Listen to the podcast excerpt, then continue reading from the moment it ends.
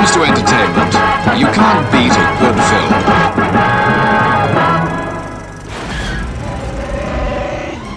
That wasn't a laser blast. Something hit us. Han, get up here.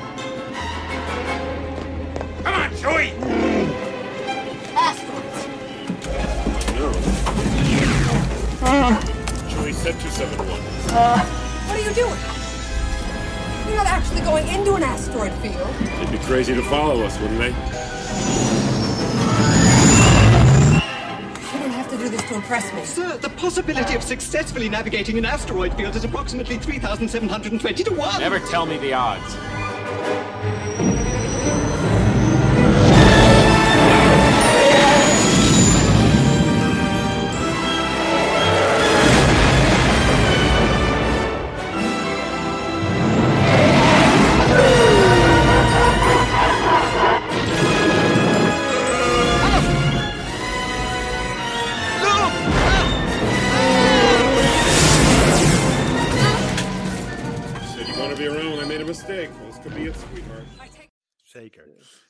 Zit er even, even tussendoor. Ik zit eh, even te kijken. Ik kom niet helemaal uit met mijn ranking. Want we zitten nu dan bij 7. Maar ik heb nog. 1, 2, 3. Ik heb nog maar vier films op mijn lijstje. Oh, echt? ja. We zitten bij 7. Want we hadden natuurlijk. eh, ehm, ja, ik heb. Dat, dat, dat, dat hebben we niet helemaal lekker gedaan, denk ik. We hebben natuurlijk die. eh, die Caravan of Courage en Battle of Endor. Maar die staan bij mij ook allemaal onderin. Hè? Alleen. Ik denk niet dat we dat zo expliciet benoemd hebben. Oh. Nee, denk nee, dat, is waar. is. Dus jij hebt dus zeg maar nu 4 nog. Dan zal ik dan gewoon mijn eh 7, 6 en 5 noemen. Ja, lijkt me goed. Ja, Ja, en dan komen we, dan, komen we als het goed is uit. Eh, we hebben ook heel veel over die films gehad. Voor mij is nummer 7 Rise of Skywalker. ja. Net een fractie beter dan Last Jedi. Maar inderdaad, met al die flaws is het, en vooral eh, bij meerdere viewings, denk je op een gegeven moment, nou, dat is het. Hier klopt iets niet. En ik heb een stille hoop dat die wordt geremaked. Dat, die, dat ze hem echt gaan herzien. En dat geeft ons wat meer uitleg over Ray. Want de dochter van Palpatine, ja, wow. Dat krijg je even te horen. Dat je, wat doet dat met jou? Weet je? Wat gebeurt er dan? En, Het was echt zo'n by the way momentje. Oh, Ja, by the way, je bent de dochter, Ja. de kleindochter van Palpatine. Ja, Ja, precies. Ja, en nou vechten. Ja, Ja. Nee, nee, dat vond ik. eh, maar wel heel bijzonder ook weer de, de, de- de, connectie tussen Kylo Ren en Rey aan het eind. Eh, Han Solo die terugkeert en zijn zoon toespreekt. En dat dat toch een ommekeer is. Eerst doodt hij hem, maar nu respecteert hij hem en doet zijn vader iets bij de zoon, waardoor zoon denkt: het moet anders. Ja. Dat vond ik wel heel, eh, heel bijzonder. En ja, had je wel eens een. Nee, ja, nou, wat, wat, wat ik wel. Wat ik, ik, ik heb daar wel eens ook met eh, andere liefhebbers over gediscussieerd. En eigenlijk wat daar wel altijd naar voorkomt. Het, het, voor mij het perfecte einde van de. Of tenminste het perfecte verloop van de Wij- Rise of Skywalker had geweest. Dat uiteindelijk Ray was gestorven in de strijd. Dat Ben inderdaad was geturnd naar de, eh, naar de goede kant. En dat die uiteindelijk ook de slotscène krijgt. Ja, als, nou. die bij, als hij tegenover de maan, de, de, hè, als hij naar de maan kijkt op, op Tatooine. Juist, ja. En dat dan wordt aan hem van wie ben jij? I'm Ben. En eh doe je even last name? I'm Ben Skywalker. En dat Ja. had mijn inziens een passender en eh, beter slot geweest van, van de hele nieuwe trilogie. Ja. Want uiteindelijk denk ik dat het natuurlijk is het de, de, de, de uprising weer van de Jedi. Hè? Voor, voor, voor de tweede keer eigenlijk. Eh, natuurlijk, en daar is Ray speelt daar een hele belangrijke rol in. Maar het, in de kern draait het vooral over het conflict wat Ja. Kylo Ren heeft met van ga ik door om Sith Lord te worden of eh, trap ik op tijd op de rem en ga ik terug naar, eh, naar het licht. Ja, ik denk dat dat veel meer beter een indrukwekkende kern was geweest van de nieuwe trilogy dan het hele verhaal over Rey en dat het opeens de, de kleindochter van Palpatine is. Ja. En dat Ja. ze ook die, die, die lightning-krachten heeft. Dat, dat, ja, dat ja, was te plots, Eens. was te, te, te, te, te- te abrupt allemaal. Ja, ja, absoluut, absoluut. En dus precies dit heb ik besproken toen, voordat we naar de film gingen met mijn zoon toen, met Sam. Hij zei ik van, joh, wat zou nou echt een mooi einde zijn? Precies dat. Ja. Maar ook met het idee van dat eh, eh, misschien als je Kylo Ren laat terugkomen in een volgende trilogie ergens in de toekomst, is het een heel interessant karakter die heel veel heeft doorgemaakt. En heel veel wijsheid bij zich. Dat zou echt een nieuwe Obi-Wan kunnen zijn. Ja, absoluut. met heel Zeker. veel wijsheid en heel veel kennis en heel veel kracht. Hij zou, ja, weet je, hij, hij heeft een bagage, hij heeft een rugzak. Ja. Hij heeft alles doorlopen. Hij heeft de meest verschrikkelijke dingen gedaan, maar hij, heeft ook, hij is een held geweest. Snap je? Dus dat is, ja, is echt zonde. Echt zonde. Ja. Het is echt een gemiste kans, denk ik. Dus Denk helemaal mee eens. ja. Helemaal mee eens. Eh, en nou, voor mij nummer 6, ja, dat is dan Solo. Ik vond Solo, ik was zo verrast door Solo. Ik had echt te stuiteren op mijn stoel. Van, van dit is echt fantastisch. Dit is precies wat Star Wars moet zijn. Juist. Gewoon ja. alles even vergeten en gewoon meegaan in een avontuur. Je niet storen aan dingen. Karakters volgen, eh, behapbaar verhaal. Een goede pacing, lekker vlot. Veel humor. Be- echt best wel spannend soms. Kippenvel momenten met die muziek inderdaad. Asteroid Field eh, eh, thema van John Williams uit Empire. Die ik vaak als ik Empire kijk even terugspoel om het weer even te zien. Dat is Ja. zo fantastisch. Nee, wat ik dus ook benoemenswaardig vind van Solo is ja, toch hoe Donald Glover eigenlijk eh Lando Calrissian speelt. Echt super interessant personage en ook die flair en dat charmante en een beetje dat, dat geekiness wat eigenlijk ook Billy D. Williams heeft gedaan met, met, met Lando in The Empire Strikes Back. Ja, dat, dat Ja. doet Donald Glover echt perfect na. Ja, toch? En eh, je Ja. gelooft echt dat het de jonge versie van Lando Calrissian is. Dus ja, ja, echt ook alle lof voor hem hoe die die rol gespeeld heeft. Ja, absoluut. ja, zeker. En laten we niet vergeten, Woody Harrelson. Ja, maar die is altijd goed. ja, die is altijd goed. Die man kan je overal inzetten Ja, en ja. hij als een still to show. Het is een Ja. fantastische acteur. Het is echt een van mijn favorieten ook. Ja, absoluut. Ja, ja, Woody Harrelson vind ik ook gewoon echt een van de meest underrated acteurs in Hollywood. Eh, puur omdat hij altijd wel een beetje als sidekick of als bijkarakter. Het, hij heeft nooit echt de hoofdrol. Nee. Eh, maar wat hij doet is altijd zo ontzettend goed. Eh, Ja. heel divers, kan van alles, komisch, dramatisch. Ja. goed, slecht. Ja, het is fantastisch. Echt, Ja. goeie, echt, echt een leuke acteur. Echt leuk om naar te kijken. Ja, Absoluut, absoluut. ja. En nu zitten we bij, bij nummer 5 nog. En dan komen we bij de top 4. Nou, mijn nummer 5 is The Force Awakens. Force Awakens vond ik eh, ja, natuurlijk fantastisch. Daar heb ik echt van genoten. Dat was echt een Star Wars revival. Dat Star Wars gevoel. Een nieuw Ja. hoop. eh, het, ja, en Ray vond ik al meteen geweldig. Je sluit ze allemaal in je hart, meteen. Ja, En dan Harrison Ford, Chewbacca, eh, Leia, C-3PO met een geweldige opkomst. Ineens volop in beeld voor de ogen van, ja. van eh, Harrison Ford. Goodness! Han Solo! It is I, C-3PO. You probably don't recognize me because of the red arm. Ja, ja, briljant. En het einde. Het einde wat zo grandioos wordt verziekt in The Last Jedi. Die opbouw naar het moment van Luke. Dat je dan aan het einde van de film denkt: nee, ga door. Niet, stop niet met deze film. Ja, dat, ik vond het echt fantastisch. Echt geweldig.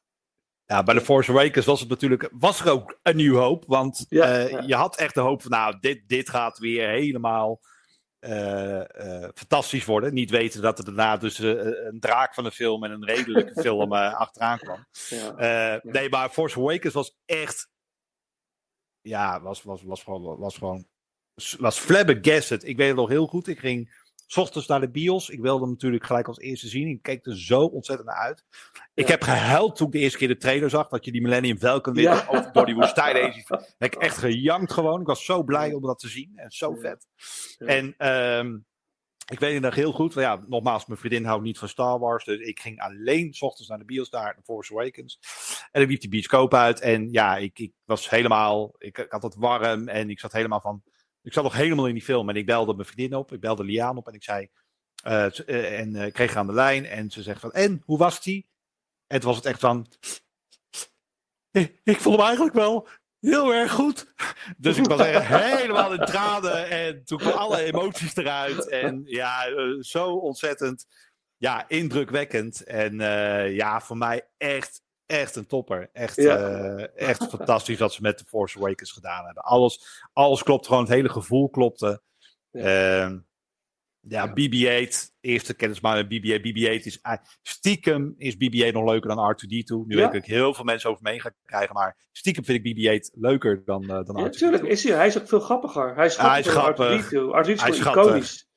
En R2-D2 is iconisch. Dat is Ja. zeker een van mijn favorieten. Ja, nou, dat Ja. is gewoon mijn, second favorite. Maar Ja, ja. BB-8 het maakt, en, eh, maakt die film gewoon zo ontzettend leuk. Harrison Ja. Ford weer terug. Ja. Ja, het is echt, Ja. echt geweldig. Ja. Ja. Ja, fantastisch. Oh, mooi. Ja, het is, ik weet nog dat de trailer, de tweede trailer kwam met Harrison Ford. Die dan, eh, de hele trailer heb je gehad. En dat laatste stukje zie je Harrison Ford met Chewbacca. Zegt Chewie, we're home. Nou, dat was ook echt zo'n moment. Ik van, het gaat gebeuren jongens. We zijn terug. We gaan echt weer ervaren wat Star Wars is. En dat heeft, heeft hij ook waargemaakt, J.J. Abrams. Absoluut, absoluut. Ja, Ja. ja. echt. eh, dat, dat en- moment maakte het ook helemaal af, die trailer. Op het moment dat, Ja. Toen was het al vet en dan kwam Han Solo in beeld. denk je, oké, nou dit wordt het. Ja. Dit wordt helemaal awesome. Ja. Ja, en het was ook zo. En ook de introductie van Kylo Ren. Van aan, aan de start al, dat, hij, dat je ook al. En, en dat je al heel vlug zijn gezicht ziet. Zijn ware gezicht vond ik ook heel verrassend. Dat, eh, dat, dat, dat die helm afging. Dat Nou, als, je- als, je- als ik dan kritiek moet uiten, vond ik dat juist alweer een zwaktebod. Want juist dat mysterieuze, iemand achter een masker zetten. Wat natuurlijk ook met Darth Vader, ja, die zet eigenlijk nooit zijn masker af. Pas in de derde film gaat hij dan heel even af. ja, Ehm, kijk, wat natuurlijk een beetje het probleem is, is dat, ehm, en dat wordt eigenlijk ook nooit uitgelegd, wat wil Kylo Ren met dat masker bereiken? Is het dan om zijn eigen onzekerheid te maskeren, omdat hij nog steeds in conflict zit? Ehm, kijk, hij heeft overduidelijk geen respiratory failure, dus waarom zou hij een masker moeten dragen? Dat is dan om iets te verbergen, Ja. of het is om meer te lijken op zijn grootvader. mhm. Maar er zit niet echt een essentie in. En als je hem dan zo makkelijk afdoet bij de eerste de beste confrontatie, dan in dit geval met Ray, denk ik, ja, waarom doe je dat ding niet voor altijd af dan? Want wat heeft Ja. het masker dan nog voor nut? Als Ja. je dan toch je ware gezicht laat zien. Dus Ja. dat hadden ze misschien wat mysterieuzer kunnen maken. Dat zou misschien de enige kritiek zijn op The Force Awakens. Ja, nou, ik, ik, ik, vond, ik vond het wel interessant dat het zo snel is tegenover dat van Darth Vader. Dat je, dat, dat je hem al sneller leert kennen, waardoor je snel een, een emotionele band krijgt met hem Dat als wel. karakter. Want je, hij wordt een mens in plaats van een, een machine. En ik denk wat je zegt dat dat wel klopt hoor, dat hij, dat hij zijn onzekerheid maskeert door het masker. Want met het masker op wordt hij de powerful Kylo Ren. Maar als hij dat masker afdoet, is daar niet heel veel meer van over. Exact. Deze Ja. gewoon inderdaad een, een jonge knul hè, met, eh, met issues, laat ik het zo zeggen. Ja, precies. Overigens kan het misschien ook wel te maken hebben met het feit dat Adam Driver, Adam Driver wel heeft gepusht op dat het masker zoveel mogelijk afboest. Want hij, zei, hij vond het verschrikkelijk om dat masker te dragen, want hij zag er niks door. En dat heeft ook al op, echt enorme kritiek geuit op de set van jongens, ik wil dat ding niet op, want ik zie niks. Ik, ik, ik, ik loop overal tegenaan, ik struikel, ik wil van dat ding af. Maar ja, Ja. goed, het paste bij het, eh, bij het character. Hij hield hem ook trouwens wel op in character tijdens de, tussen de takes door. Ja, Ook tijdens de lunch eh, eh, bleef hij in character. Hij distancieerde zich echt van de, van, de- van, van de rest van de cast. Ja. Om maar in character voor Kylo Ren te blijven. Dat vond ik dan wel heel vet. Want dat vind ik altijd wel tof om te horen als acteurs zo ver gaan. Om, eh, om zoveel ja, toch ook op te offeren, zeg maar. Helemaal weg te cijferen om een rol te kunnen spelen. Dat ik heel vet. maar als je nou, dan, als je nou nadenkt over het feit, stel je voor dat Hayden Christensen diezelfde regie had gehad voor Anakin Skywalker. Wat had je dan voor films gehad? Nou, ik heb ook andere films met Hayden Christensen gezien. Not gonna niet worden. Not gonna happen. Oké, oké, oké, heel goed. Ik geloof je. Oké, oké. Ehm, jouw nummer vier. Ja, dat eh, ehm, is misschien een kleine verrassing, maar mijn nummer 4 is episode 4, A New Hope. Oeh, interesting. Ja. Ja. Ja. En ik word daar heel vaak op, eh, op eh, eh, bekritiseerd. Waarom heb je de originele Star Wars film zo laag in de ranking staan? Waarom staat hij niet... Nou, hij moet eigenlijk... Nou, hij moet sowieso in je top 3 staan, wordt er dan gezegd. Ja, ja. Uit oogpunt van nostalgie. Uit oogpunt van hoe de film gemaakt is. Met het idee erachter. Ook dat natuurlijk de verwachting was dat hij compleet zou floppen en dat het zo explodeerde. Klopt. Is eigenlijk gewoon een film die tegen alle verwachtingen in een ontzettend, eh, eh, ontzettend goede fundering heeft gelegd voor iets iconisch. Ja. Maar dat is het hem ook dan tegelijkertijd. Het is inderdaad een fundering voor iets moois wat daarna is gekomen. Mhm. Maar de film aan zich, Een Nieuw Hoop, is niet zo spectaculair als Nee. de films die daarop zijn gevolgd. Het is eigenlijk te simpel voor woorden. Je hebt een woestijn. Ja. Je hebt een paar ruimteschepen die gebouwd zijn met wat onderdelen uit bouwpakketten. En vervolgens in elkaar zijn geplakt. Ja. En je hebt een, nou ja, hè, wat, wat andere leuke dingen erin gestopt. Het verhaal is vrij simpel. Je hebt een held, je hebt een anti-held, je hebt een prinses en je hebt een bad guy. Ja, heel, het, het is een hele bijzondere film, maar het is gewoon niets meer dan een goede fundering voor het Star Wars-universum. En daarom rankt hij wat lager bij mij. Ik vind hem super vet en ik kijk hem nog steeds heel graag. Het is echt een topfilm. Ja. Ehm, maar het is, eh, het, is, het is niet mijn beste of mijn meest favoriete Star Wars film. Absoluut Nee. niet. Daar kan ik voor een deel in, in meegaan. Het heeft inderdaad niet die emotionele lading die de andere films hebben. Het is inderdaad iconisch om het feit wat die film heeft gedaan, überhaupt met de filmindustrie daarna. Precies, Eh, dus, ja. eh, deze film moet het heel erg hebben van de karakters. De, de, de personages. En dan voornamelijk eh, Darth Vader, C-3PO en R2-D2. En later Han Solo natuurlijk. Maar die drie, die maken het meeste in- indruk voor mij in de hele film. Eh, de, de, de droids en de, en de bad guy. Natuurlijk Alec Guinness op een bepaalde manier, maar als jong, jonge gast, als kind, bespreken die kar- karakters tot de verbeelding. Zeker, ja, Ja. daar ben ik absoluut, eh, absoluut met je eens. En ik denk ook dat als ik, eh, want ik heb natuurlijk pas heel laat kennis gemaakt voor het eerst met Star Wars, hè, dat was 1997. Eh, ik denk als ik ook eh, eerder kennis had gemaakt met Star Wars, had het misschien ook in een ander, had film in een ander daglicht eh, gestaan bij mij. Ja, ja, Eh, maar ja, dat, je afgezet tegen de andere, ja, dan moet je keuzes maken en ja, Ehm, ja, dan rankt hij toch wat lager. Ondanks dat natuurlijk de fundering heel solide is. Hè? Ik bedoel, het, Ja. is, het is echt een mooie opstap naar, naar al dat moois wat daarna is gekomen. absoluut. En het is, ook, het is ook een fundering van een goede score, want de score, de muziek van John Williams, wordt beter naarmate de films vorderen, vind ik. Absoluut. Hoewel Empire Ja. Strikes Back wel een uitzonderlijk goede soundtrack is, heeft. Met waanzinnige thema's, maar daar komen we zo vast nog op. Mijn nummer 4 is Revenge of the Sith. Had ik niet verwacht, maar toen ik zat, ja, ik toch die film. Naast eh, de andere drie die nog komen, kijk ik deze film het, meest. Omdat het me zo entertaint. Gewoon, ik vind het zo leuk om naar te kijken, deze film. En Ja. al die regiekeuzes, die kan ik dan kan ik al een beetje om lachen. Maar alles eromheen, het is zo vet. Gewoon zo goed en zo mooi gedaan. Het ziet er zo mooi uit. Qua kleurgebruik, qua. qua, qua eh, eh, eh, alles, alles klopt. Alles ziet er gewoon tot in de details goed uit. De mooie shiny C3PO, weet je.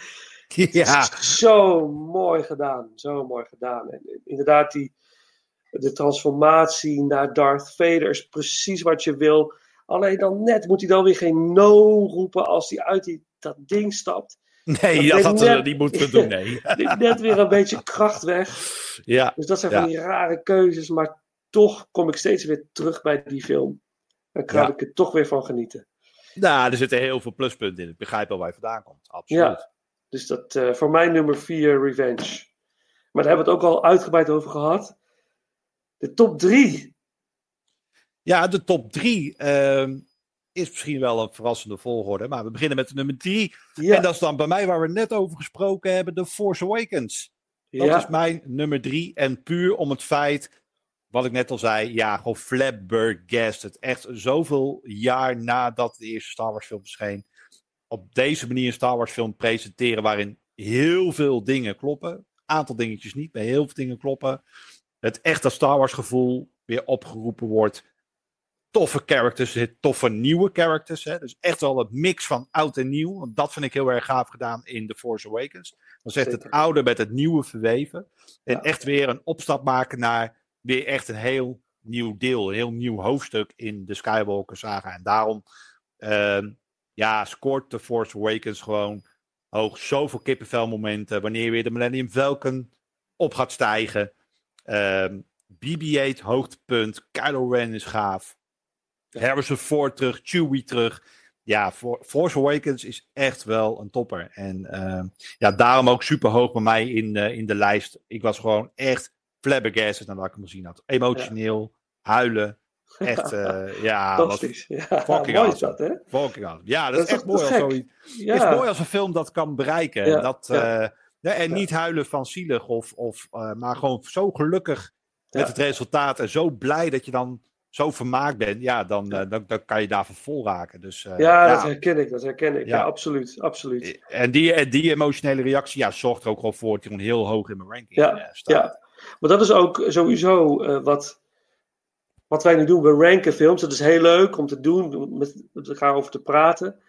Mensen vinden het leuk om te weten wat vind jij de beste film, wat vind jij de minst goede film. Maar het blijft altijd het is iets subjectiefs. Het, het blijft een, een mening, een gevoel. Je draagt een gevoel mee eh, over een bepaalde film en daardoor rankt die film hoog. Als jij, moet huilen, als jij moet huilen bij een Battlefield Earth, wat ik me moeilijk kan voorstellen. maar Ja, huilen van ellende misschien. Ja, Ja, hu- huilen omdat ik die anderhalf uur nooit meer terugkrijg. Ja, dat inderdaad. Ja. dat. Maar ah, het zou me zo kunnen dat voor iemand in de wereld dat de meest fantastische film ooit is. Dan is dat zo, snap je? Maar het is wel. Dus het blijft subjectief. Ja, het blijft persoonlijk iets. eh, een, Ja. eh, een, een volgorde, een ranking blijft iets, Ja, iets persoonlijks. En eh, valt, er staat ook inderdaad van hoe, hoe ben je vermaakt en wat voor emoties heeft de film bij je, bij je opgeroepen. Dus ja, absoluut. Ja, Daarom, daarom zijn de lijstjes vaak ook heel divers. En dat is juist heel leuk om te Dat is juist leuk. Maar ik vind het zo mooi dat ook voor jou, dat, dat, dat een film je tot diep in de kern kan raken. Dat het iets met je doet waardoor je dat, dat, dat, dat loskomt. Echt te Ja. gek, echt te gek. Mijn nummer drie hebben we het net over gehad, is een Nieuw Hoop. We hebben alles al over gezegd een beetje. er zit natuurlijk heel verhaal achter. Blijft een van mijn favorieten. Ik kan... Nou, de nummers 2 en 1. ja, dat is 2 in 1 van, eh, Ja. van, van, van de reeks. Ja. Ja. ja, ik heb zelf op nummer 2 Return of the Jedi staan natuurlijk. Ja, nou, ik ook. Voor mij is het ook Return of the Jedi. De film met heel veel warme herinneringen. De eerste Star Wars film die ik in de bioscoop zag. Oké, cool. Dat ik als klein jongetje eh, eh, zat te shake op mijn stoel bij de, de eindstrijd. En de, de Emperor die in de, in de stortkoker wordt, wordt gegooid door Darth Vader. Now, young Skywalker, you will die.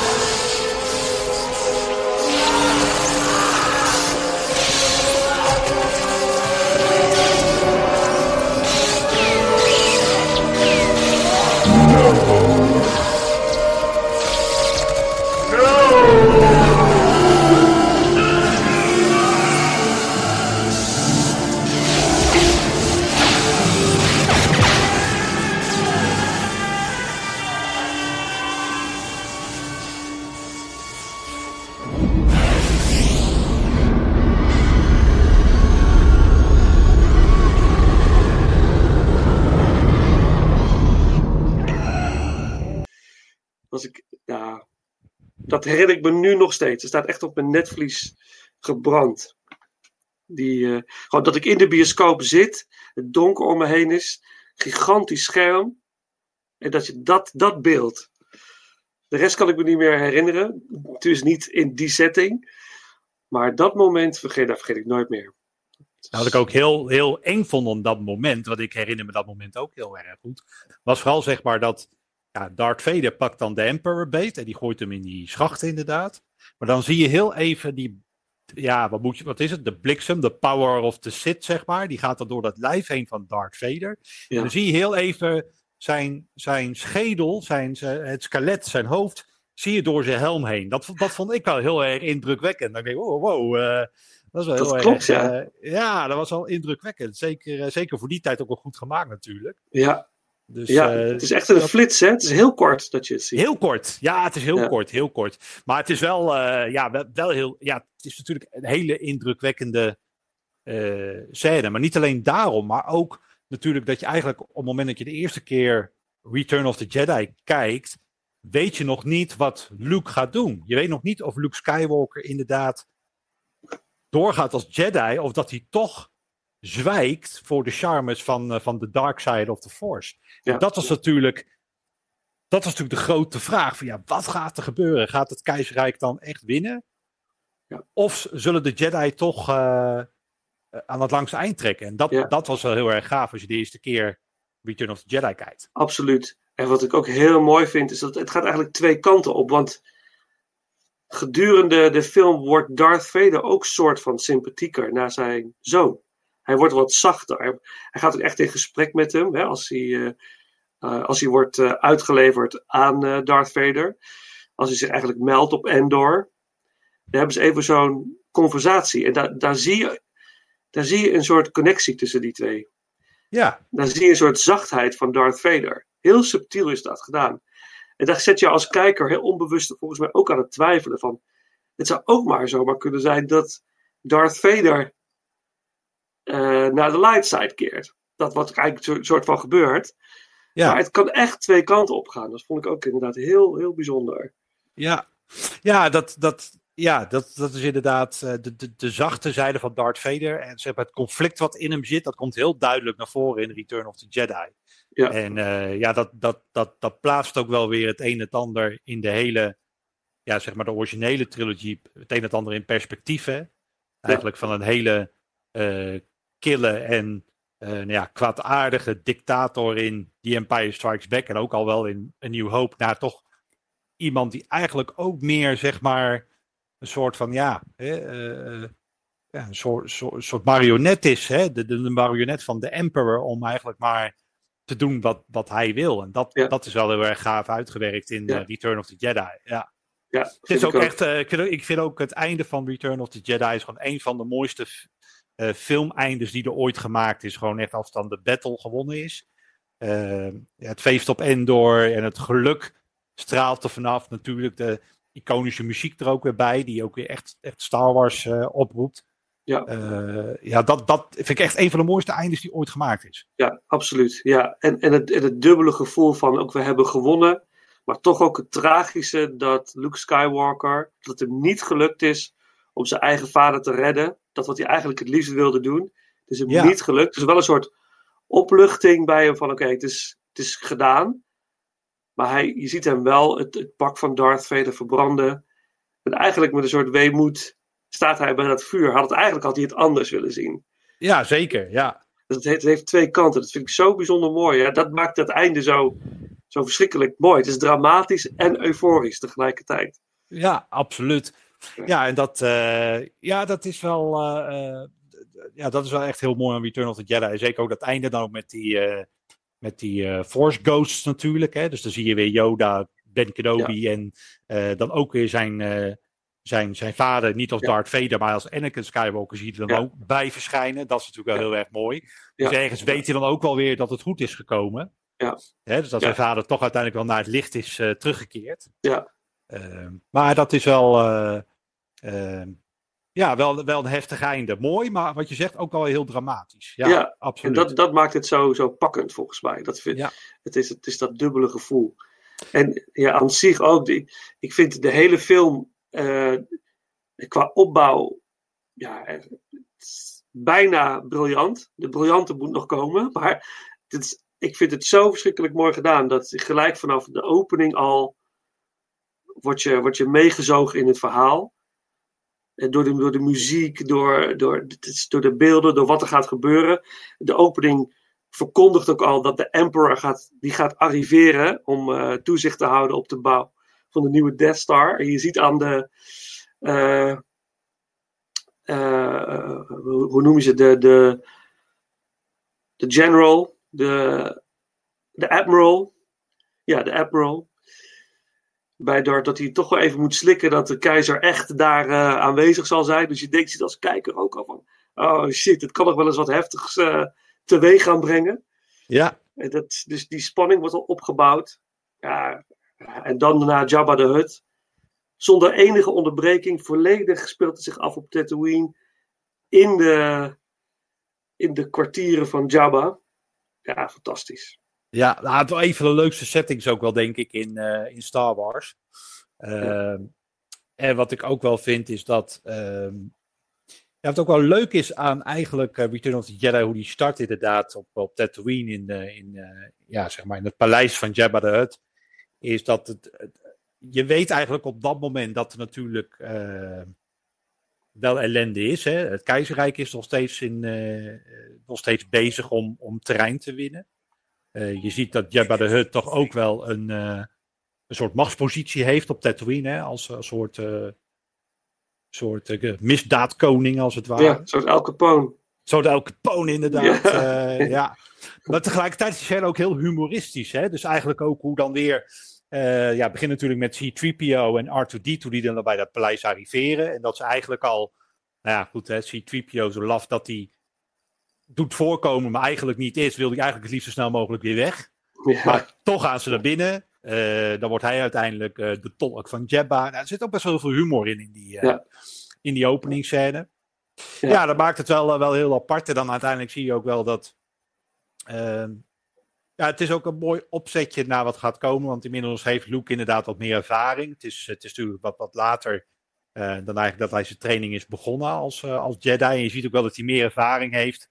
En ook wel de confrontatie durft aan te gaan. Iets wat hij dus in Empire Strikes Back nog niet kon vanwege zijn onervarenheid. Kan hij dus nu wel. Ja. En dat is wel heel tof. En dan weet je ook eigenlijk wel ja, dat, dat de ultieme confrontatie in die film moet, moet gaan komen, sowieso. Ja, ja. Ehm, ja, het is, eh, gewoon, ja, het is gewoon een film waar heel veel, eh, heel veel in klopt. Of aanklopt.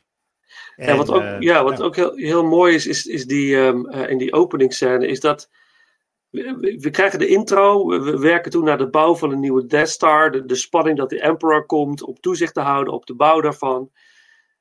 En we krijgen die informatie en we gaan dan ineens naar Tatooine en we krijgen een complete eigen film eigenlijk. Het redden Exact, van Han ja. Solo. En de focus ligt puur op de karakters, op de groep, het team. Wat echt Ja. met z'n allen daar bij elkaar is. En dat vind ik zo mooi, want dan word je even helemaal terug, eh, terug naar de basis. Hier gaat het om, om deze gasten. En daarom voel je aan het einde van de film ook zoveel emotie, omdat je met hun bent meegereisd. Exact. En ze ja. nemen de tijd om, om, om, om, eh, om te zien wat voor hecht team zij zijn met z'n allen eigenlijk.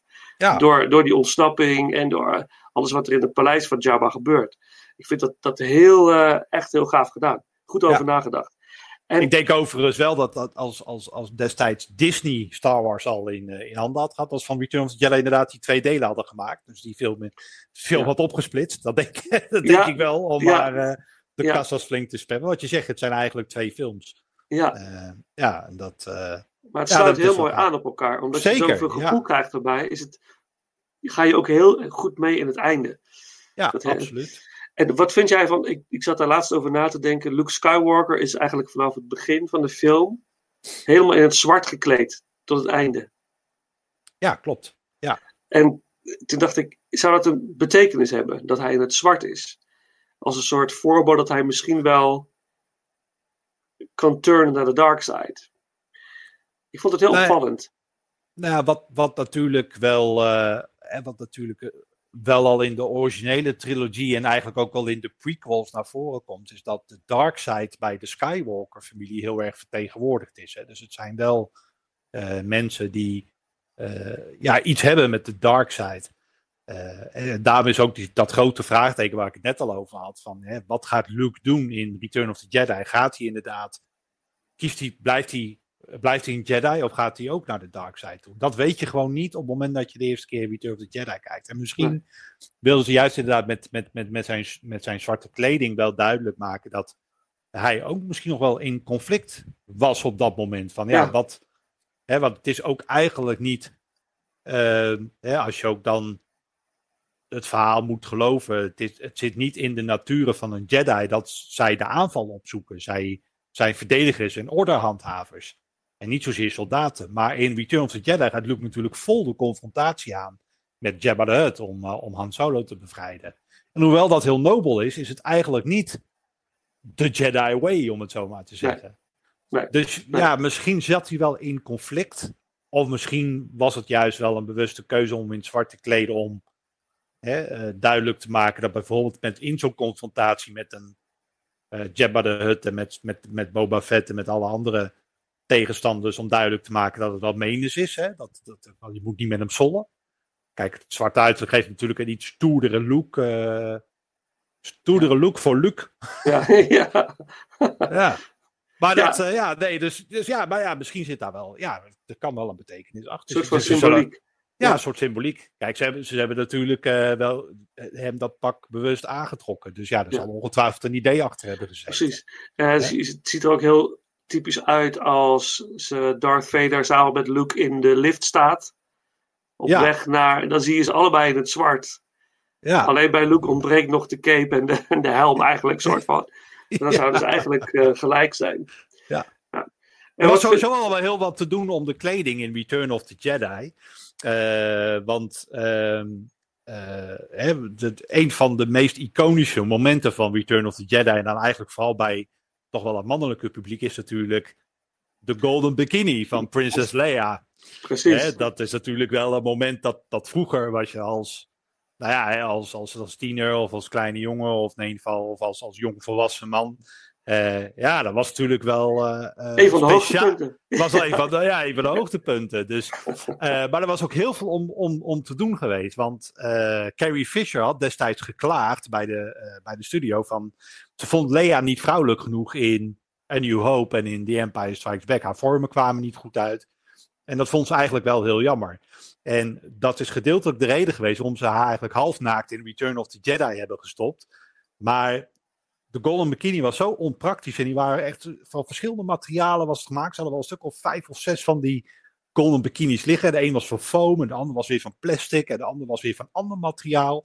En tussen iedere take door moest echt de make-up artist erbij komen. En, en, en een scherm om de heen zetten om maar te kijken of alles goed zat. En ze niet eh, per ongeluk eh, nippelslips en dat soort dingen kregen in beeld. Ja, er is heel wat om te doen geweest destijds. om Ja. dat allemaal maar in beeld, beeld te brengen. Maar ja, uiteindelijk met als resultaat dat het wel nog steeds een van de ja, meest iconische scènes en, en filmkostuums is die er tot Absoluut. op heden zijn gemaakt. Absoluut, ja. Het heeft iets heel eh, kinkies. Zo'n Ja, ja. super lelijk monster met zo'n Ja, schoonheid in bijna geen kleding. het is bijna hentai zou je zeggen. Ja, eigenlijk wel, ja. ja. nou, gelukkig werd dat het niet, dat scheelt. Nee. Gelukkig, eh, gelukkig gingen Nee. ze niet zo, eh, zo ver. Er zal ongetwijfeld een soort van parodie opgemaakt zijn. Maar ja, ik heb daar niet zoveel behoefte aan. Ik hou het wel Nee. bij de golden bikini van, Dat eh, lijkt me ook goed. van Ja. Princess Leia. Ja. Ja. En, en wat, ehm, wat vind jij. eh, nou, laten we even bij Jabba blijven. Ja, dus voor mij zit daar het meest komische personage in van bijna alle Star Wars films. Bij, die zit bij Jabba. Weet je dan over wie ik het heb? Ja, dat is toch niet dat kleine ratje die dan... eh, Ja, dat kleine ratje. Ja, ja. ja ik, ben even zijn, Ja. ga even zijn naam opzoeken ondertussen. Want hij heeft ook een naam. Het is gewoon een karakter wat ook een naam heeft. ja. Ook een fanbase volgens mij. nee, die, niet het meest komisch hoor, dat is overdreven. Maar ik vind hem eh, hilarisch. Nou, hij, hij, hij, hij, hij, hoort erbij. Dat, dat is het hem een beetje. Ja. Hij, maakt het, hij maakt het natuurlijk de hele. eh, kijk, dat irritante gelach van dat beest is natuurlijk. eh, weet je waar? Ik vind hem een beetje. Laat ik het goed zeggen. Ik vind hem lijken heel erg. Toen ik vroeger naar de Fraggles keek. Daar lijkt hij er een beetje op. Het is net een, mislukte Fraggle eigenlijk. Eh, eh, dan zit je stom te lachen. Als maar tegelijkertijd eh, als hij dan zit te lachen, als er dan weer, als- Jabba dan wat zegt, dat hij dan weer een of iemand in, de, in de put gooit of weet ik veel wat. Dat, dat bevestigt wel weer eigenlijk hoe sadistisch Jabba de Hutt eigenlijk is. Ja, ja, Dus ja. dat, ja. dat is, hij, heeft, hij heeft wel een functie. ja. ja, zeker, Hij is, zeker. hij is wel grappig en hij heeft ook nog een functie. En hij, eh, hij sloopt C-3PO's oog ook nog. Ja, ja, dat, ja, ja. Hij, leeft ook, hij, hij levert ook echt een fysieke bijdrage aan, eh, aan, aan de ellende. Ja, ja nou, ik, vind- ik vind het, Dat is ja, ik vind het dan toch weer geen personage om een spin-off te geven of zo. Dat, dat, dat doet Nee. dat voor mij ook weer niet. Hè? Nee, dat zou, het- oh, dat zou dan weer te overdreven zijn. Ja, dat zou het overdreven zijn. Zo ja. is het goed. Ja, Maar zo hij, is het goed, het, ja. het, is ja. een, het is een Kowakian monkey lizard. En eh, hij heet Salacious B. Crumb. Zo, wel een chique naam voor zo'n klein ratje eigenlijk. Eh, ja. Ja. Fantastisch. Ja, ja. dat is een tof beest, ja. ja. En wat ook altijd, altijd leuk is aan, aan C-3PO, dat zie je eigenlijk, eh, eigenlijk in alle Star Wars films al terugkomen, is dat hij heeft altijd een ruzie met een of ander beest of dier, of in ieder geval iets wat, wat veel kleiner is dan dat hij is. Eh, Maar toch elke keer verliest hij het weer, want ja, hij is natuurlijk zo laf als ik weet niet wat. Dus ja, hij laat zich gewoon slopen, of uit elkaar trekken, of zijn oog eruit pulken. Of, eh, en eh, ja, hij vindt het allemaal maar, ja, hij vindt het allemaal maar prima. En is een beetje te spartelen als een of ander klein kind. Van hey, rep me, rep me, alsjeblieft. Maar dat maakt C-3PO dan ook alweer C-3PO. Ja, dus dat is wel heel erg leuk ook. Absoluut. Ja, ja, ja. En, en, in Rise of Skywalker is hij een soort van een held, hè? Dan hij Ja, zichzelf zeker, even ja. op, even een moment. Dat vond ik wel Ja. een heel bijzonder moment. Ik dacht even van, oh, we verliezen nu C-3PO. Dat is, dat is klaar. Maar gelukkig heeft hij een mooie terugkeer uiteindelijk. Ja. Nou, er zouden toch wel meer momentjes in de Rise of Skywalker dat we dachten van oké, nou, wat, gaan ze nu doen? Ja, Gelukkig, eh, gelukkig zijn ze op heel veel, eh, nou bijna alle momenten wel weer teruggekomen. Maar ja, ja, ja, dat gelukkig zijn maar. wel, eh, ja, ja, dat is toch wel, ja, het is, ja, Ja. een be- een beetje een soort klein shock-effect willen ze dan creëren van, nee, je gaat toch niet C-3PO uit, eh, uit de Ja. halen? Die Ja. moet nog, eh, nog wel honderden jaren mee, maar Ja, ja, gel- gelukkig gebeurt dat uiteindelijk ook niet. Maar dat was wel, was wel een heftig momentje. Dat, ja, ergens denk je dan weer van, nou, misschien had het juist heel mooi, eh, zou het heel mooi zijn geweest als hij op die manier zijn einde kreeg in de Star Wars saga. Ja. Het, is trouwens, het is trouwens wel zo leuk.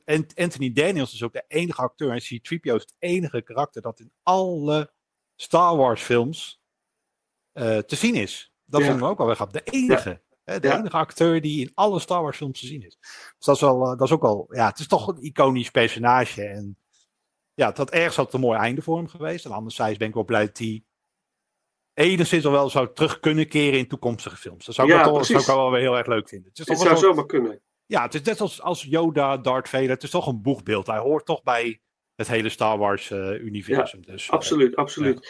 En, en heb jij het boek toevallig gelezen van Anthony Dan- Daniels, IMC3PO? nee, heb ik niet gelezen. Nee. Oké, oké. Nee, ik, ik eh, heb hem liggen hier ik ga, ik ga hem lezen binnenkort. Dus daar gaan we het nog wel eens over hebben. Dus ik ben heel benieuwd naar zijn verhalen, zijn anekdotes van, de, van het maken van al die films. En wat Ja. zijn gevoel nou precies is. Ik ben eh, heel nieuwsgierig. Ja. En nu natuurlijk het, eh, eh, waar veel discussie over is in Return of the Jedi, is het laatste deel van de film eigenlijk. De- het gedeelte op Endor. als de Ewoks komen. Het is heel spectaculair op Endor tot de Ewoks. Voor heel veel mensen zijn de Ewoks ja, het verpeste film. Hoe is dat voor jou? Ja, nee, ze verpesten niet veel. Maar ik vind juist heel erg leuk dat ze voor Return of the Jedi ook grotendeels een andere setting hebben gekozen. Want je ziet eigenlijk dat een heel groot gedeelte op Tatooine afspeelt. Dan verplaatst het zich naar Endor en het verplaatst zich eigenlijk onboard de Dead Star. Ja. Dus, in, dus van de vele settings die er, die er eigenlijk waren in de New Hope en in en nog meer in The Empire Strikes Back, brengen ze het eigenlijk terug naar een beperkt aantal settings in Return of the Jedi. En dat is denk ik ook expres gedaan, omdat ze dan niet te veel eh, het afleiding hebben op het verhaal. Dus de focus ligt op het verhaal. En ergens heb je dus het gevecht op Endor, waar de rebellen onder leiding van, van, van Leia en van Solo eh, proberen om, die, eh, om die, dat shield van de Death Star uit te schakelen. En aan de andere zijde heb je het verhaal dat, Darth, dat Luke Skywalker de confrontatie aangaat met Darth Vader en uiteindelijk probeert te bekeren naar de, naar de light side van de Force. Ja. Eh, dus dat vind ik wel. Nee, ik, vond het juist zo leuk dat die Ewoks erbij kwamen. Want het voegt ook alweer een stukje humor toe. Want ze, het zijn natuurlijk hele klunzige en onhandige eh, beertjes. Een soort inboorlingen die met speer en al eh, een vijand te lijf gaat. Heel, heel primitief volk eigenlijk. Maar het is wel een hele toffe setting eigenlijk. Die ik denk ook ehm, gedeeltelijk heeft er ik mee te maken dat, hè, dat daar trek je ook een jonger publiek mee. Ik denk dat er heel veel kinderen die destijds Return of the Jedi gekeken hebben, dat ze heel graag zelf een Ewok zouden willen hebben in, eh, ja, als knuffel of, uh, of, of, of, of als echt, echt beertje als huisdier of zo. Ja, dus ik denk dat. En anderzijds denk ik ook, ja, voor, voor, voor toch wel een beetje het luchtig te houden en het niet al te zwaar te maken, Ja. uh, zijn ze toegevoegd. En ja, ik, ik, vind ze ja ik, ik, ik, ik weet ook niet beter natuurlijk, maar ik vind ze er wel echt bij horen. Ik vind, Ja. ik vind Ewoks echt heel leuk. Ja, ik vind ze ook, eh, ik heb er ook totaal geen probleem mee. Ik vind het hilarisch. En vooral ook dat ze C-3PO als een soort god eh, zien. ja, dat is helemaal mooi. Fantastisch. Dat echt. En ja, hij voelt zich ook echt een god dan, hè, op dat moment. Hij gaat zich ook echt een beetje gedragen als, eh, als een godheid. Ja, klopt. Hij wordt, ja. hij krijgt, wordt heel arrogant, wordt hij. Tot grote irritatie van Han Solo. Fantastisch. Dus het is het echt. eh, ja, ik, dat, ja, ik vind ze heel leuk, die Ewoks. En ik vind het mooi dat het idee dat een onverwachte kracht bij kan dragen aan het vernietigen van zoiets machtigs en groots. Heel primitief volkje, wat eigenlijk het verschil maakt in het vernietigen van eh, eh, de Shield, het schild op Endor. Dat vind ik eh, ja, te gek.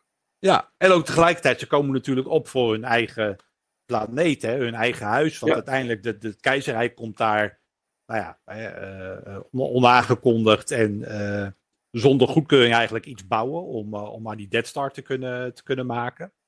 En eh, zij hebben zoiets van, eh, ja, ho, wacht even. Het is, eh, het is ons Ewok Village, het is onze planeet, dus eh get the fuck off, weet je wel. Ja, En eh, ja. ja. dat vind ik dan wel heel stoer. eh, ja, het is wel een stoer volk gewoon. Echt Ja. wel, eh, ja. Ja, nee, Ewoks eh, vind ik een dikke plus van Return of the Jedi. Toch? Ja, vind ik ook. Ja, een dikke plus. In, Ja. in het geheel het blijft Return of the Jedi echt een film die ik net als straks de nummer 1 het meest zal blijven zien van eh, Star Wars. Dat denk ik zal, ook wel. Ja, Ja. zal ik ieder jaar weer terugkijken. Want gewoon omdat het gewoon heel leuk is om. Het is een ontzettend leuke, onderhoudende film. Ja. En een hele leuke manier om kennis te maken met Star Wars. Ook voor, voor jonge mensen is, vind ik dat eigenlijk een hele leuke. Om er eens langzaam in te komen wat het is. Want je kunt het ook. Ik, heb, eh, ik weet dat ik op een kinderfeestje was. Dan hadden we de VHS-videoband van Return of the Jedi. En de moeder van het kinderfeest eh, had? Ja, hoe moet het nou? Star Wars. En die zat dus eh, te breien op de bank. En wij zaten als jongetje allemaal om die tv naar Return of the Jedi te kijken. En op een gegeven moment ging dat steeds langzamer met die breinaaltjes. en uiteindelijk heeft ze driekwart van de film mee zitten kijken. En was ze helemaal zo, wat is dit? En zo ontstond er een nieuwe Star Wars eh, fan. De film Ja, heeft mooi is dat iets- eigenlijk. Ja, Ja. geweldig. De film heeft iets voor, voor iedereen, denk ik. Ja. Ik denk dat het, is de hele, het is een hele hartverwarmende, spannende film. Ja, ik vond het, het is ja, echt een van mijn favorieten. Ja, hij, sta- hij staat ook denk ik eh, eh, terecht op nummer twee. Ik denk Ja. dat hij daar, eh, daar prima thuis hoort. Maar goed, er- kan er maar één de, één de Ja, eerste we zijn. gaan naar nummer 1. Er kan, er één. Nou één, ja, er kan er maar één de eerste zijn, maar daar zijn we het ook wel over eens, Ja, denk ik. Hè? ja. Ja, en misschien maar. wel ook nog wel een van de beste films ooit gemaakt. Hij, staat, hij staat sowieso wel in mijn persoonlijke top 10 van beste films alle Ja, tijden. Absoluut. die van mij ook. Zeker weten. Nou ja, The Empire Strikes Back. ja.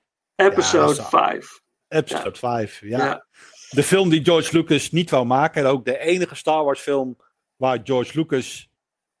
Nou, hij heeft volgens mij alleen de, de checks getekend en eh, de financiën rondgebracht. Maar voor de rest heeft hij er niet zo heel veel mee te maken gehad. eh. Maar hij is wel op de set aanwezig geweest. ja, dat wel. Maar niet. Maar hij heeft- eh, Nou, hij heeft eigenlijk even Kirchner heeft hij eigenlijk alle vrijheid gegeven om te doen met The Empire Strikes Back eh, dat, eh, dat, dat hij wou. En natuurlijk had ja, de film, de, de, de studio had, was natuurlijk verbaasd over het succes van A New Hope. Eh, hadden eigenlijk op dat moment ook niet verwacht dat George Lucas het trucje opnieuw zou kunnen flikken, om het zo maar te zeggen. En van, ja, prima, maak die film, maar ja, wij gaan hem niet financieren. Dus, dus wil je hem maken, dan zou je zelf moeten investeren in het, in het, in het project. En dat heeft hij ook gedaan. Ja, met als resultaat dat het wel de beste Star Wars is die, eh, die eh, tot, tot nu toe, nou, waarschijnlijk zal het ook niet meer veranderen, maar die tot nu toe gemaakt is. Ja, het is een duistere film. En de film, wat ik ook ik, eh, veel heb gelezen over de film, is ook dat die film is echt met hart en ziel gemaakt. Eh, door, door weer en wind. Met bloed, zweet en tranen hebben, die, hebben ze deze film voor elkaar weten te boksen. Dat is ook nieuwe technieken gebruikt. In de barre kou daadwerkelijk gefilmd. Eh, het, het begint natuurlijk op de ijsplaneet eh, Hoth. Ja. Ook weer typisch hot. Heet. Ja. Is gewoon een ijsplaneet. Ja. Maar, dat zijn van die, van die leuke grapjes, vind ik het. Maar ehm, wat eh Irvin Kirk is natuurlijk de regisseur. Ook op een gegeven moment ze zaten in een hotel. Ik weet niet meer waar ze precies zaten. Maar in ieder geval daar waar het heel koud is en heel veel sneeuwt. En de cameraploeg stond in de deuropening van het hotel te filmen hoe Luke Skywalker in de sneeuw viel voor het hotel. En toen moest hij snel, snel weer naar binnen, bij het vuur, met een warm drankje. Het was gewoon bijna niet te doen. Dus ze hebben echt. Het, het leed wat je ziet bij Luke Skywalker is niet geacteerd. zeg maar, het, is, Het is gewoon echt. het is echt. Ja. Echt, Ja. Met zoveel ellende is die film gemaakt, maar ook met zoveel liefde. Ja, Dat Irvin Kershner ook aangaf op de, het script, kreeg hij dat hij zegt: Oké, leuk script, maar ik wil meer liefde, ik wil meer humor, ik wil meer. Hij hij heeft echt de humor en, en, de, en de romance tussen Solo en Leia verder eh, uitgewerkt. Ja. De, die iconische scène dat, dat Han Solo wordt ingevroren. En dat hij zegt dat eh, Leia zegt: I love you. En dat Han Solo zegt: I know. Eigenlijk stond in het script gewoon: I love you, I love you too. En ze hadden twintig takes gedaan en het wilde gewoon niet. Het was gewoon niet dat wat het moest zijn. En, en de hele, eh, ook Chewie reageerde niet goed daarop. Het was allemaal, het klopte niet. En eh, toen zei Kirchner van, oké, oké, eh, tegen Harrison Ford, zet het script uit je hoofd, doe maar wat je wil, doe wat jij wil. Wat voelt jouw karakter? Wat is jouw karakter? En toen zei hij dus, I know. En dat is typisch Han Solo. En dat is dan ook weer een scène geworden die niemand ooit vergeet. Dat moment. klopt. Ja. Dat is echt, dat is, dat is het Han Solo karakter. Het, Ja. het net niet echt letterlijk zeggen, maar wel in zijn intentie weet je wat hij bedoelt en wat hij, eh, wat hij voelt. Ja, er zit, en er zit ook nog wel een ander verhaaltje achter. Ehm, want op dat moment eh, wilde Harrison Ford niet terugkeren voor Return of the Jedi. Hij was klaar met Star Wars. En ehm, daarom werd hij ook ingevroren. Want dat is ook uiteindelijk een idee die is ontstaan omdat ze zoiets hadden van ja, ehm, kijk als we hem als we het karakter killen, dan kan hij niet meer terugkomen in Return of the Jedi. Dat wordt lastig. Ehm, en als we hem invriezen, dan kan die of hij kan doodgaan. Van nou, oké, hij is gewoon overleden tijdens transport of eh, door, de, door, de, door het invriesproject of whatever. Eh, of we kunnen hem laten ontdooien en is hij toch weer terug. En daarom is die scène toegevoegd aan The Empire Strikes Back. Omdat ze gewoon Harrison Ford nog niet hadden getekend voor Return of the Jedi. En het ook niet wist dat hij terug wilde keren als, als Han Solo. Dus dat is wel heel erg grappig. Ja, want volgens mij zou hij ook op een gegeven moment iets zeggen in de. In, niet, niet specifiek die scène met Leia, maar volgens mij in een andere scène zou hij ook iets zeggen van. I will be back of I will return of zoiets. Had, zou, die, zou die moeten zeggen volgens het script. Maar dat paste dus niet, omdat ze niet zeker wisten dat hij terug zou keren überhaupt. Dus dat moest helemaal aangepast worden. Dat is dan ook wel weer super grappig eh, Ja. aan, eh, aan, de, aan de film. En ook wel goed dat het, dat het niet wordt gezegd, want dat zou weer te veel beloven. En nu, als je hem voor het eerst zou zien en nog niet Return of the Jedi hebben gezien, dan blijft het onzeker. Ja, absoluut. Dus ja, zeker. hij- ja, ja, ja. Dat, ja, gaaf. Ja, absoluut de meest geweldige Star Wars film van allemaal. Eh, de, ik vond het heel mooi, de karakters worden veel verder uitgebouwd. Eh, we leren veel meer kennen over. En we zien ook de ontwikkeling van Luke natuurlijk. Eh, Van, de- van de, de jonge onwetende eh, puber eigenlijk. Ja, Naar echt een. Hij wordt langzaamaan volwassen gedurende deze film. Hij krijgt training van Yoda op Dagobah. Ja, fantastisch. Ja, En er zit, uit- er zit gewoon heel veel in, in, in, in Star Wars. eh. in, in eh, The Empire Strikes Back. Daar zit gewoon heel veel in. En niet alleen qua settings of wat je zegt, qua, qua karakterontwikkeling of qua verhaal. Het zit er allemaal in. Maar gewoon, het is, het is, het is ook een echte rollercoaster. Hè, waar misschien dan Return of the Jedi weer wat simpeler is. Hè, want het begint eigenlijk met wat actie en avontuur. En dat verandert langzaam in een verhaal over hè, goed en kwaad. En uiteindelijk welke kant zal dan overwinnen. Maar in Empire Strikes Back gaat het van, van, van links naar rechts. In, elke, in elk fragment. eh, of dat nu inderdaad de training is bij Yoda. Of dat nou het, eh, het verraad is op Cloud City van, van Lando. eh, of dat nu inderdaad zeg maar het moment is dat de eerste confrontatie tussen, tussen Luke en Darth Vader. Eh, het gaat van links naar rechts. Er zit heel veel humor in, maar er zit ook heel veel actie in, drama, romantiek. Het is, het is hele veelzijdige films met heel veel settings. Hè, dus heel veel planeten en, en, en, en decors. Die heel divers zijn ook, hè, wat je al zei. Het begint op een ijsplaneet. We zitten in de lucht in een, in een soort Cloud City.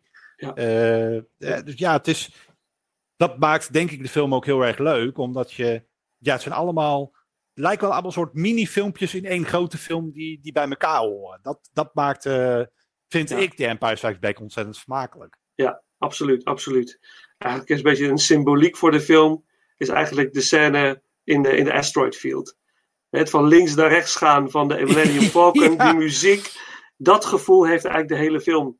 Exact, dat, dat, ja. dat is de rollercoaster. Dat, dat is, En dat, is, eh, en dat is natuurlijk gewoon de, de meest epic space battles die, de- die er is natuurlijk. Hè? Ja. Door, door die asteroid field. En, ja, ja. ja, gewoon eh, ja, sowieso natuurlijk met, met de Millennium Falcon is het natuurlijk een iconisch ruimteschip. Hè? Ik Ja. kan, me, kan me geen Star Wars liefhebber voorstellen die het schip niet mooi vindt of niet tof vindt. Of, iedereen heeft al iets met dat schip.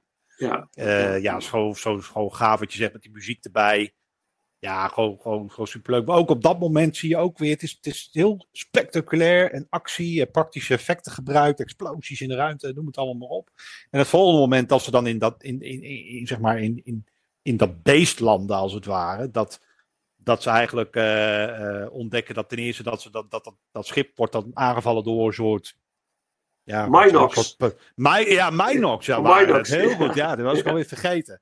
Hè, maar dan zie je eigenlijk dat daar weer heel veel humor weer tegelijkertijd is. Eh, want eerst moeten ze dan die Minox. En C-3PO is er natuurlijk bang voor. Zo laf dat die is. En, en vervolgens eh, komen ze dus erachter dat, dat ze in een beest zitten. En dat ze dus moeten maken dat ze wegkomen. En dat is dan ook wel heel erg grappig. Ja. Dus ene moment zit je in dat spektakel en wow. En het volgende moment is dan wel allemaal lachen en humor. En eh, ja, ze zitten in de mond van de beest. Ah, ah, dat is al... Ja, wel apart hoe, hoe snel dat gaat van links Ja. naar rechts. Ja, ja, Ja, geweldig. heel tof. Ja, ja, en natuurlijk de, de training van Luke op Dagobah. Die, die kunnen ze niet evenaren. In geen enkele film is het gelukt om, om eh, zoals in, in The Last Jedi, hoe Ray werd getra- getraind door Luke. Het, het haalt het niet bij het gevoel wat The Empire Strikes Back geeft tijdens de training van Luke door Yoda. Het conflict in Luke, dat wat Yoda voelt, alles. Dit, het klopt. Ja, en wat, eh, wat, het wat is dat toch? Ja, maar wat, wat, het, wat het ook is, is dat. ehm, wat heel knap is, is dat ze in zo'n ontzettende korte tijd eigenlijk ehm, de relatie tussen Luke en Yoda hebben ontwikkeld. Want op de duur, als Luke dan in training is, dus een paar scènes later, en dat hij dan eh, aan het klimmen is en aan het eh, klauteren is, en vervolgens in, eh, in, dat, in, dat, in dat, dat, dat duistere gedeelte gaat om zijn angsten te confronteren, denk je al dat ze al jaren met elkaar trainen. Want Ja. je ziet ook echt dat ze een band hebben met elkaar. Wat sowieso al knap is, omdat het natuurlijk gewoon maar een pop is. Dat is trouwens ook wel grappig aan die scène, want de hele set van Dagobah is eh, op een verhoging gebouwd. Want anders kon Frank Oz de pop Yoda niet bedienen. Dat is super grappig. Dus eh, wat je ziet is eigenlijk, dat dan staat hij op de grond, maar er staat ergens twee meter van de grond af of zo. Ja. Anders, kon die, anders kon die pop niet bediend worden. Super grappig natuurlijk. Ja. Ja, nee, het is, het is en, en sowieso die, die, die wereld van Dagobah, dat is, het is zo ondefinieerbaar. Want het is, het, is, het is één grote jungle met een modderpoel in het midden. En een van de hutje waar dan een groen monstertje woont. En nou, dat moet dan een van de grootste Jedi-meesters zijn alle tijden. Tegen all expectations in is hij dan een keer de machtigste die er is. Ja. Ja, het is gewoon, het is gewoon een heel, heel apart sfeertje hangt er in die hele scène. Waar ook heel veel humor in zit. Hè? Dus Ja. zeker aan het begin, als we het eerst ontmoeten. Dat eh Yoda dan gaat kijken wat hij allemaal in zijn, zijn lunchboxje hebt zitten. En eh, dan wil hij het lampje wat hij vindt niet teruggeven. Dan heeft hij ruzie met R2-D2. Die hij dan probeert in elkaar te slaan met zijn met zijn stok, met zijn wandelstok of wat is het. Ja, nee, dat is, is gewoon heel erg geestig. En vervolgens ja, heel erg emotioneel geladen. En dat vind ik ook heel knap om te zien bij een, bij, bij een puppet, zeg maar. Dat je zoveel emotie in een pop kan brengen dat het wel echt overkomt. Alsof hij echt inderdaad zoveel heeft meegemaakt en eigenlijk heel terughoudend is in het opleiden van een nieuwe generatie Jedi. Maar het eigenlijk hè, met, met het idee om toch weer eh, de, de, de, de orde en de peace te kunnen herstellen in het heelal, dat hij dat toch dan weer doet. Ja, dat, dat komt allemaal terug in, in, in, in, in, in slechts enkele momenten. Dat is heel gaaf. I'm not afraid. You will be. You will be. Ik denk dat je dat heel goed verwoordt, ja, dat dat het is. Dat is knap, dat is, dat is een goed script schrijven, maar ook een waanzinnige regie van Irving Kershner. Dat je dat, en fantastisch gemonteerd, Ge- de, de editing in die film is natuurlijk briljant. Ja, super. Ja, dat, echt dat, dat, dat is echt fantastisch. Eh, ja, dat is het denk ik. En ook dat, dat ene moment in die cave, dat Luke eigenlijk eh, lijkt te vechten met Darth Vader.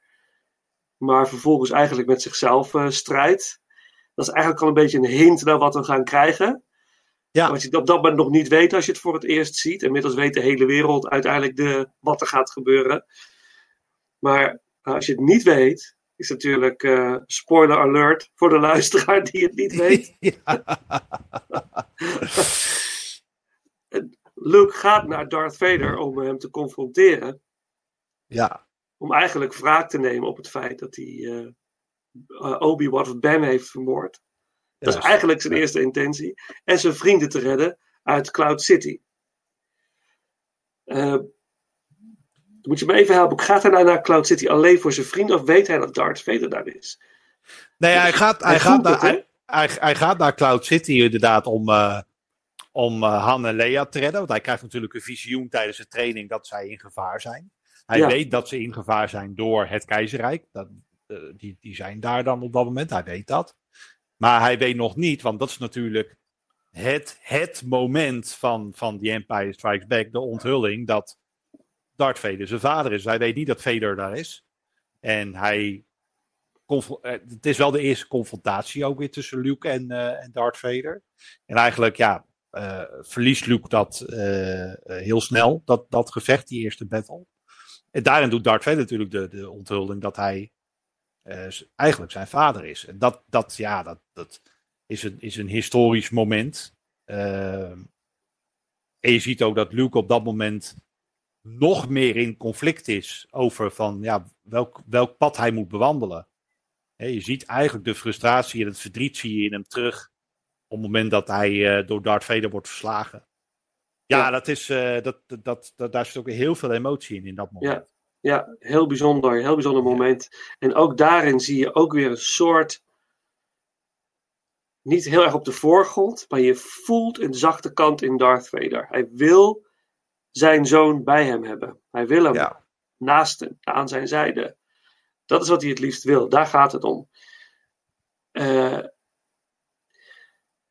volgens mij zegt hij ook: We can destroy the Emperor. Volgens mij. Ja, Volgens je- mij zegt hij dat ook in eh, Ja. die scène. Ja, nee, dat, eh, dat, dat, dat, dat, dat, dat zegt hij inderdaad. Nou, uiteindelijk bleek ook dat dat niet de eerste keer is dat hij dat zegt. Hij heeft het natuurlijk ook gezegd in Revenge of the Sith. Als hij tegen Ja. Padmé zegt dat, ze- dat hij de keizer kan verslaan. En dat hij Ja. het, eh, hè, dat is uiteindelijk...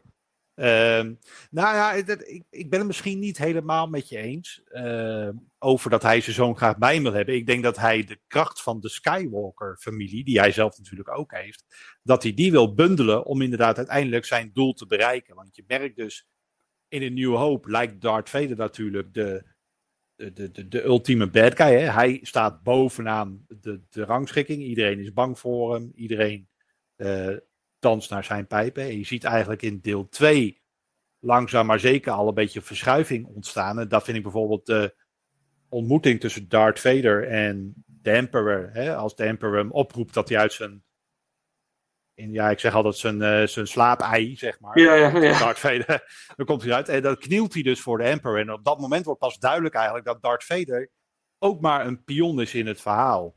En Ja. Darth Vader's ultieme doel is om de baas te worden in het, in het keizerrijk. Hè? En ik denk niet dat op dat moment nog, nog niet zo is dat hij zijn zoon bij hem wil hebben. Hij wil de kracht hebben die zijn zoon bezit om zijn doel te kunnen bereiken. En pas in, ik denk dan pas in Return of the Jedi gaat dat conflict bij hem spelen. Van ja, ik wil eigenlijk, ik Ja. weet niet zo goed wat ik met mijn gevoelens aan moet. En Ja. ik weet Ja. niet wat ik moet doen. En moet ik, moet ik voor, moet ik loyaal blijven aan de Emperor? Of moet ik voor de goede kant kiezen?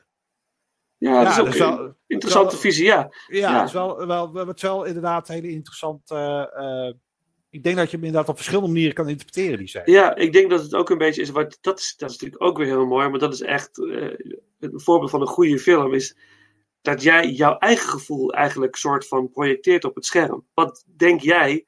Want niemand weet precies wat hij denkt of wat hij voelt.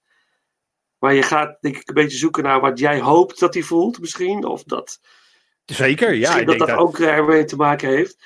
Tuurlijk. Maar het is ja, wel, wel interessant inderdaad. Het zou natuurlijk kunnen, want het is wel zo natuurlijk dat in Return of the Jedi, het moment dat hij echt ziet dat zijn zoon aan het lijden is, als hij wordt geëlectrocuteerd door de Emperor, dat hij bijna sterft, dan switcht hij ineens. Dan, wordt hij, dan is het klaar. Dan, Ja. beschermt, dan beschermt hij echt zijn kind. ja. Dus misschien dat daar, ja, ja interessant. Ik ga dat, ga dat nog eens over nadenken. ja, ja, maar het is wel leuk dat je dan op die manier weer achter nieuwe dingetjes komt over de Ja. film ook. Ja, want Ja. later, later als Luke ontsnapt natuurlijk, eh, eh, hij laat zich vallen in die schacht. Hij wordt gered. En dan eh, staat Darth Vader voor het, voor het raam in die Star Destroyer. En dan zegt hij, en dan zegt hij Luke. En dan schrikt Luke ineens wakker, want hij hoort hem, hij voelt hem. En dan zegt hij wel, son, come with me, zegt hij dan. Dat vind ik ook zo'n moment, dat ik, daar is een twijfelmoment. Daar twijfel ik of hij het nou, of hij hem nou echt vanuit liefde roept of vanuit hebzucht. Ja, ja dat, dat, dat is inderdaad. eh, ja, dat is moeilijk. Ja. Dat, ja. Wat denken de luisteraars? We gooien de vraag in de groep. Ja, Ja, ja, zet, wat- het in, wat- zet het in de ja. comment. Wat denk Zet jij? het in de comments wat, wat, wat, wat jullie denken. Ja, lijkt, me, maar- lijkt me inderdaad een hele goeie. Want ja, ze, ze is, is lastig. En het is natuurlijk op, op heel veel manieren, op verschillende manieren te interpreteren. Van wat, wat, wat, wat, wat zit erachter? En even dan ook om een blanco naar te kijken. Want we weten uiteindelijk natuurlijk, tenminste de echte Star Wars fans die de films ook allemaal gezien hebben. Waarschijnlijk ook meerdere keren gezien hebben. Die weten dan ook wel uiteindelijk hoe het allemaal in elkaar steekt en hoe het afloopt. Ja. Eh, maar om er even blanco naar te kijken, van op, op, op in welke fase zit Darth Vader op het moment van The Empire Strikes Back? Is hij dan inderdaad al aan het turnen naar de light side? Of is hij inderdaad die hebzuchtige dictator die nog altijd zijn visie heeft dat hij de macht wil grijpen in het heelal? Dat, Ja. dat, is, dat is de vraag. Ja, het zou kunnen. Wat, wat ik heel logisch zou vinden als, als kijker, maar is, is ook dat hij, hij, hij eh chopt de hand eraf van Luke natuurlijk. Zijn zoon heeft pijn. Hij confronteert hem met de waarheid. Op, en dan is hij misschien nog inderdaad die dictator, maar hij ziet, en dat doet Mark Hamill echt voortreffelijk, moet ik zeggen, die emotie die loskomt bij Luke. is echt intens, intens verdriet. ja. Hij heeft echt intens verdriet. En dat, vol- volgens mij ziet hij dat, het doet dat al iets met hem. En dat hij dan daarom zegt bij, die, bij dat raam, son, come with me, of come to me, of come, join me, of iets, come to me, come with me, zegt hij volgens mij. En daar zit volgens mij iets. Dat, dat moment. Interessant. Ja, Interessant. je zou interessant. moeten kijken. Kijken of, of dat, Ja. als je weer gaat kijken, wat, wat, of, Ja, ja, ik zei, ik dat, ja, hij staat bij mij nog op een lijstje, want ik, ik ben bezig weer met de hele Star Wars eh, saga. Dus eh, Ja. dit, dit, is, dit is de eerstvolgende die nu op het lijstje staat. Die wil ik nog eh, deze week gaan kijken. Dus ja. ja. ik zal er eens op letten. Op, Ja, ik ben op heel die, benieuwd wat je vindt. Ja, op die, op die bepaalde momenten. Ja. Ja, wat, wat natuurlijk wel jammer is aan die Empire Strikes Back. Als je dan. Er zijn niet heel veel minpunten te noemen. Hè? Ik denk dat we ook al heel veel pluspunten hebben benoemd. Ehm, er zijn niet heel veel minpunten te bedenken over, over The Empire Strikes Back. Het enige wat je zou kunnen zeggen, zoals dat eigenlijk in elke trilogie wel het, het geval is natuurlijk, is dat The Empire Strikes Back eh, is wel echt een tussenfilm. Hij begint heel plots, hè, want in één keer zijn ze op die ijsplaneet. Er is geen introductie. Het gaat all hell breaks loose. Eigenlijk Ja. gelijk in het begin met, met die looptanks. Overigens wel een van de meest awesome openingsscènes eh, in films. Hè, dus echt met die, met die grote looptanks door de sneeuw heen. Ja. Eh, rebellen de, de, de tegenin. eh, ja, super, super vet. Heel, heel spectaculair allemaal. Ja. Zeker, zeker als je die film plaatst in de tijd waarin die gemaakt is. Super gaaf. Absoluut. Alleen het einde, ja. ehm, eh, kijk, laat ik het zo zeggen. Mijn kennismaking met Star Wars, ik, had dat, ik heb dat al verteld, maar nog even een kleine recap. Ehm, de eerste film die ik dus zag was The Empire Strikes Back, omdat ik samen met een, met een, ja, met een schoolvriendje, die, die organiseerde zijn verjaardagsfeestje en we zouden naar de film gaan. Dat was in 1997, toen alle films werden remasterd en opnieuw in de bioscoop werden uitgebracht. En hij wilde dus met ons naar eh The Empire Strikes Back. Dat was de eerste Star Wars film die ik keek. En daar zit je eigenlijk er middenin. Je weet nog niks van het verhaal. Je bent nog jong. Dus het is ook nog wat lastiger om alles gelijk goed te begrijpen. Hè. Dan moet je dan de film misschien nog meerdere keren voor gekeken hebben op dat moment. Ehm, en ja, dan is het eigenlijk een hele teleurstellende film. Want het heeft eigenlijk geen... Ja, het heeft wel een begin, maar het heeft niet echt een goed begin. Want het begint ergens middenin. In de actie. En het eindigt ook nergens. Want ja... ehm, niemand is verslagen, niemand heeft gewonnen. Het moet allemaal nog komen. En dat, dat, het is dus wel echt een tussenfilm. Maar goed, Ja. het, is wel, het is wel een hele. Hè, als je dan bekijkt, bijvoorbeeld, kijk, ik vind persoonlijk dat de Two Towers van de Lord of the Rings trilogy, ja, ik vind dat echt een. Nou, een draak van een film wil ik niet zeggen, want hij is best gaaf. Er zitten hele spectaculaire momenten in, maar ik vind hem echt overbodig. Dat ik echt denk van ja, het heeft eigenlijk niet heel veel toegevoegd. Want hè, als je sowieso, ik denk dat je al met één film het af had gekund. Hè, als we nou gewoon waren begonnen bij de Lord of the Rings om Frodo en Sam op zo'n vogel te zetten en naar die berg te laten vliegen. Die ring in het vuur te flikkeren en dan weer weg te laten vliegen. Dan was je klaar geweest. Maar nee, je heen was allemaal moeilijk en moeizaam. Maar terug was natuurlijk eh, easy peasy. Maar goed, dat tezijde. Misschien gaan we nog wel een keer over Lord of the Rings hebben.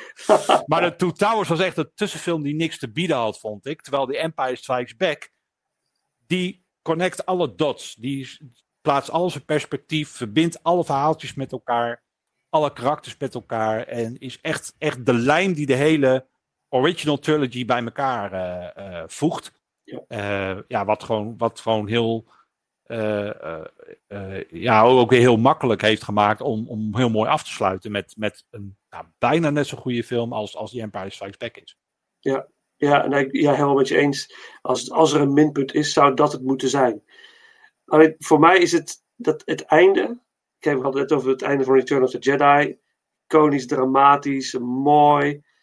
Ik, moet, ik heb altijd het hele heftige brok in mijn keel. Bijna tranen bij het einde van The Empire Strikes Back. Hoe vaak ik het ook kijk.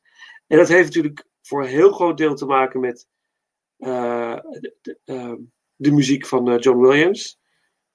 Het thema wat wordt gedaan, eh, gespeeld aan het einde van The Empire Strikes Back is nou, misschien wel een van de mooiste filmstukken uit de geschiedenis, vind ik. Zo mooi, het wordt zo opgebouwd, nou, zo groot. Het orkest blaast echt op. Snap je? En dan word je in het ongewisse achtergelaten. Snap je? Dat moment van, oh, eh, eh, het is een soort van, oké, we hebben het gered voor nu.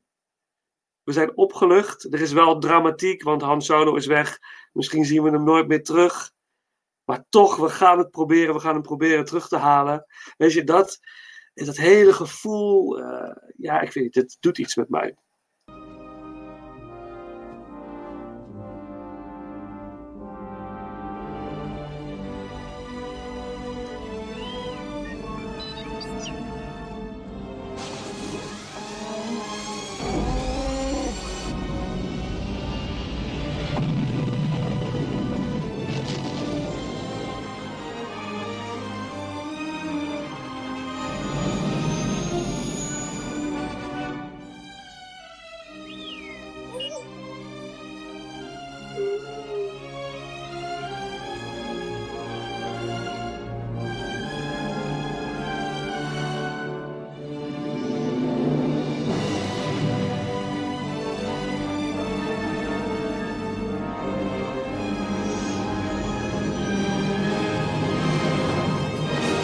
Ja, nou, bij, bij, ook. Wat je zegt, dat, dat, dat, dat heb ik ook wel met, met.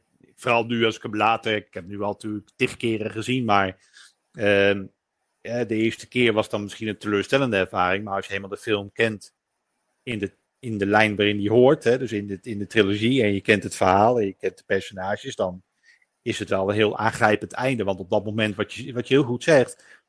ze hebben het te nauwe nood overleefd. Hè. Ze, hebben, ze, zijn, ze hebben eigenlijk weer, ze weten weer opnieuw te ontsnappen. Ehm, maar het kan op dat moment nog alle kanten op gaan. Ze kunnen verliezen, ze kunnen winnen. Je weet het niet. En dat, dat je inderdaad hè, dan, dan toch wel ergens een abrupt einde. Je voelt het wel aankomen dat hij dan afgelopen is, de film. Maar toch wel het abrupte einde. Dat je dan Ja. denkt van, oh ja, shit. En nu? Wat, wat, Ja. wat gebeurt er nu? En dat, dat is heel erg gaaf. En dat zorgt ook wel weer inderdaad voor een effect dat je eh, ja, ook weer gaat uitkijken naar wat er komen gaat. Dat is dan Ja. wel weer, Ja. ja. Hoe, hoe vond je dat bij The Last Jedi? Want dat is ook een soort tussenfilm. Wat, wat duisterder. Ja, het bleek, het, blijkt, het bleek uiteindelijk een tussenfilm te zijn. Ja, dat klopt. Ja. Dat was natuurlijk, zou het echt het officiële einde moeten zijn van, eh, van Star Wars. Maar nee, dat, dat werd het uiteindelijk niet. Eh, door alle bekende redenen. ja. Eh, er, kwam, er kwam een muis op de proppen met hele grote oren. Die heeft wat miljoentjes betaald. En die besloot om nog eens even drie delen te maken. En daarna nog eens een keer drie delen. Maar goed, nee ja. de- kijk, Return of the Jedi is, is, is, is, is misschien wel een tussenfilm. Maar het is wel. Nou, laat ik het goed zeggen. Ik denk dat. ehm, Kijk, ik ben heel blij dat ze uiteindelijk wel nieuwe films hebben gemaakt. Want het heeft natuurlijk ook wel heel veel vermaak opgeleverd. Ondanks dat we natuurlijk al besproken hebben dat ja, The Last Jedi heeft de verwachtingen niet helemaal ingelost. The, Sky, Rise of Skywalker ook niet helemaal. Maar The Force Awakens was wel heel erg gaaf. Ja. Ehm, maar toch in alle eerlijkheid, als Return of the Jedi de laatste Star Wars film zou zijn geweest in de Skywalker saga, dan was ik daar niet rouwig om geweest. Ik Nee. denk dat het slot heel erg mooi is. Ehm, het keizerrijk is gevallen. Kijk, wat ik heel graag. Wat, om daar toch nog even op terug te komen op Return of the Jedi. Kijk, er zijn wel een paar dingen in het verleden gebeurd. Wat, eh, het was sowieso een film met, met de nodige problemen. Maar er zijn wel een paar dingen natuurlijk eh, veranderd. Uiteindelijk in, in, in, de, in de haircut. Om, ehm, om het iets logischer te laten maken. Dus bijvoorbeeld op de Blu-rays van tegenwoordig, het slot van Return of the Jedi. Daar zie je dus ook dat er feest gevierd wordt op eh, Jakku. En dat er feest gevierd wordt op Coruscant. En dat er feest gevierd wordt eh, op Naboo. Ja. En dan zie je dus alle personages die eigenlijk in episode 1, 2 en 3, dus de prequel trilogy, die veel later is gemaakt, zie je die personages allemaal weer terugkomen. De Gungan zie je feest vieren. Je ziet, Ja. eh, je ziet op, Ja. die, eh, op Coruscant zie je alle. Zie je het beeld van de Emperor, zie je dat hij naar beneden wordt gehaald. Dat het keizerrijk echt is gevallen. Dat vind ik een hele waardevolle toevoeging. Maar je ziet dan ook weer dat bijvoorbeeld het Hayden Christensen is en als For- Force Ghost toegevoegd aan het slot in plaats van Sebastian Shaw. Ja. Die ook weer op zijn beurt David Prose heeft vervangen in Return of the Jedi. Ja. Eh, dus die is zelf is eigenlijk hetzelfde overkomen als wat hij eigenlijk voor Dave Prose heeft gedaan. Ehm, ja, dat zijn dan weer veranderingen dat ik denk van ja, ehm, had misschien niet nodig geweest. Maar ik vind dat dat slot dat je eigenlijk ziet dat in het hele heelal feest wordt gevierd. Dat het keizerrijk is verslagen. Ja, dat is gewoon een heel mooi slot van Star Wars. Ja, vind ik En daar, had Ja. het voor mij enigszins wel bij mogen blijven. Ja, ja, eens. Eens. To- nog een leuk weetje over eh, het I Am Your Father gedeelte. In het oorspronkelijke script wat iedereen kreeg, stond dat niet. Hè? Er stond niet in het script geschreven de, de regel I am your father. Eigenlijk in het script staat iets in de lijn van Yes, I killed Obi-Wan. Zoiets. Ja, klopt En I- ja. En I Ja. enjoyed it, of zoiets dergelijks. Iets. Maar in ieder geval iets, zoiets. En vlak voor dat ze de scène gaan opnemen, roept Irvin Kershner Mark Hamill apart. En zegt: Oké, straks gaat hij dit zeggen. Wat hij eigenlijk zegt is: I am your father. Eh, De enige die het wist op dat moment was Mark Hamill. Dus hij ging door die zin van I killed Obi-Wan, yes, I killed... Dat hij helemaal overdreven emotioneel reageert. Dat de, de crew ook dacht van, what the fuck is dat? Het is veel te heftig. Niemand wist het. Ja, Dat zelfs, was bij- Da- zelfs Dave Pro's niet, want, want dat, dat las ik ook inderdaad terug. Dat Dave Pro's was zelfs boos eh, dat hij niet goed geïnformeerd was over wat het personage Darth Vader op dat moment tegen Luke zou zeggen. Want Dave Pro's was natuurlijk alleen de body double van, van Darth Vader en niet zijn stem. Eh, en hij, hij wist niet wat Darth Vader zou zeggen op dat moment. En hij was er heel boos over, want hij zei: Ja, als ik dat had geweten, dan had ik de, eh, de, de, de gebaren en de houding van Darth Vader had ik anders gespeeld dan hoe ik het nu heb gedaan. Met, eh, met inderdaad het oorspronkelijke idee dat ik Obi-Wan heb vermoord. En niet zozeer dat ik zeg dat ik zijn vader ben. Ja. Daar is ook heel wat heisa over geweest. En natuurlijk was Dave Pro's niet op zijn mondje gevallen destijds. Hij heeft natuurlijk weer heel veel, eh, ja, toch wel kleine gevechtjes op de set, eh, verbale gevechtjes op de set gezorgd. Eh, dus ja, ehm, eh, aparte feitjes. Hè? Ook weer, hè, waar we het ook al over gehad hebben, dat ook weer heel typisch voor Star Wars. Hè? Echt, die, echt zoals eigenlijk het ook in de films om de, de, li- de light side en de dark side van de Force gaat. was het eigenlijk ook in real life zo en tijdens het maken van de film. Er was plezier en eh, liefde op te zetten, maar er was ook haat en nijd. Hè? Star Wars was, was, was een prachtig project om aan te werken, maar tegelijkertijd ook een hele duistere kant zitten aan, eh, ja, aan, aan, aan het maken van Star Wars. En dat is dan wel weer. En ik denk ook dat het, denk niet dat het anders kan met, met zo'n groot project. Je hebt altijd wel. Ja, dat, is natuurlijk wel, dat is ook, ook, heeft ook wat te maken met mensen. Mensen zijn het gewoon vaak niet eens met elkaar. Dus ik denk dat het ook niet anders zou kunnen.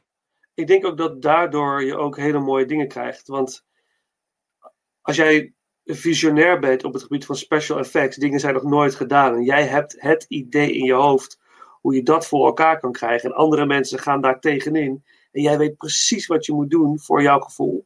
Dan krijg je een discussie, krijg je een strijd.